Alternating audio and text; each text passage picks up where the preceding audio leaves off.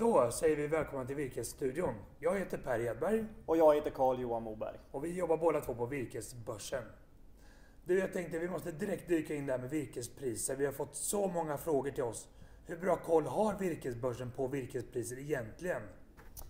Ja, men det är ju jättebra fråga och det är ju så att vi har ju kollen eftersom vi är verksamma i hela Sverige. Ja. Vi har haft annonser egentligen i i stort sett alla landskap som vi gjort avslut på. Så vi har bra prisstatistik kring det hela och sen samtidigt så har ju vi eh, ett intresse också från de grannländerna till oss till Sverige också så vi vet ju också vad exportpriser och sådana ligger på. ja.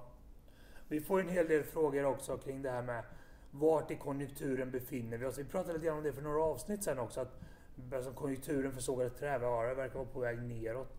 Ser vi att det här återspeglas nu på priset på virke också? Jo men det är så. Södra gick ut och gjorde en, eh, en sänkning på sin prislista eh, här förra veckan. Eh, På timret ska ju poängteras på det. Ja, Massan är ju, ingen, är oförändrad. ja, och det är klart, det har man ju sett under hösten att egentligen alla som är i, i sågade sågvarubranschen där har ju haft eh, sämre lönsamhet.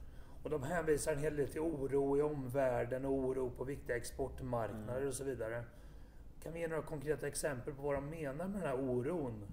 Jo men det är ju lite oroligt i, i affärsvärlden idag. Ja, Så vi har eh, Kina och eh, USA som står och stångas lite med varandra. Men samtidigt då för oss i Europa så är det ju framförallt Brexit. Eh, och det vet vi ju inte riktigt var det är bär av än. Det Nej. är väl ingen som vet. och England är ju faktiskt vår viktigaste exportmarknad för sågade trävaror. Så man kan ju förstå att en viss oro kring den marknaden också får återspeglingar tillbaka här i, här i Sverige. Ja men det gör det och Södra gick ju också ut med förra veckan där att man agerar ju det här. Eh, Så man bygger ju upp stora lager nu på plats i England.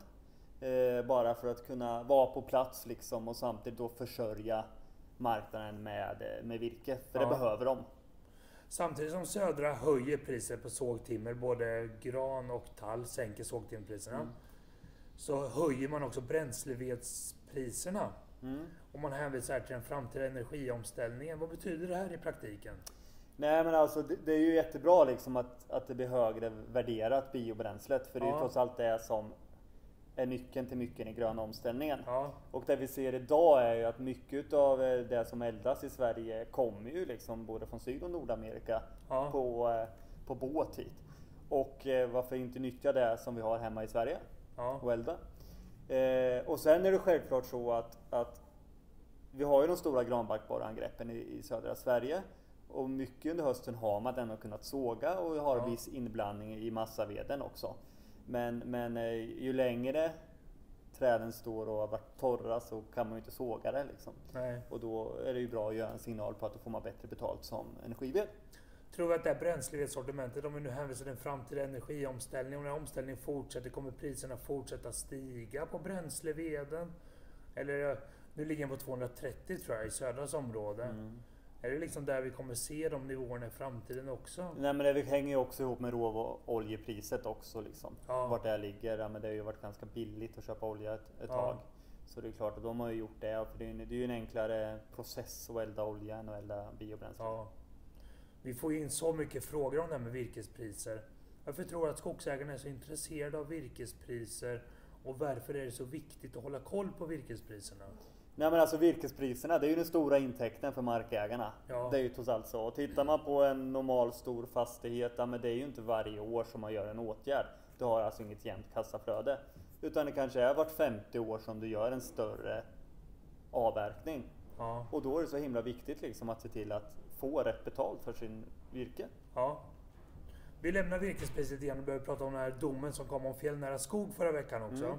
Vad betyder den för skogsägarna tror du? Nej men jag tror att som, som, som skogsägare ska man ju vara nöjd liksom att man har slagit ett slag för äganderätten där liksom. Ja. Att möjlighet att få ersättning när i det här fallet Skogsstyrelsen gjorde avslag på avverkningsanmälningar. Ja. Och det är lätt nu att glida in på det här med regeringsbildningen och vi sitter med en ny regering när vi släpper det här avsnittet. Mm. Hur ser du att den här regeringskonstellationen som vi får nu bestående av ett antal olika partier kommer påverka skogsägarna och också skogspolitiken framöver?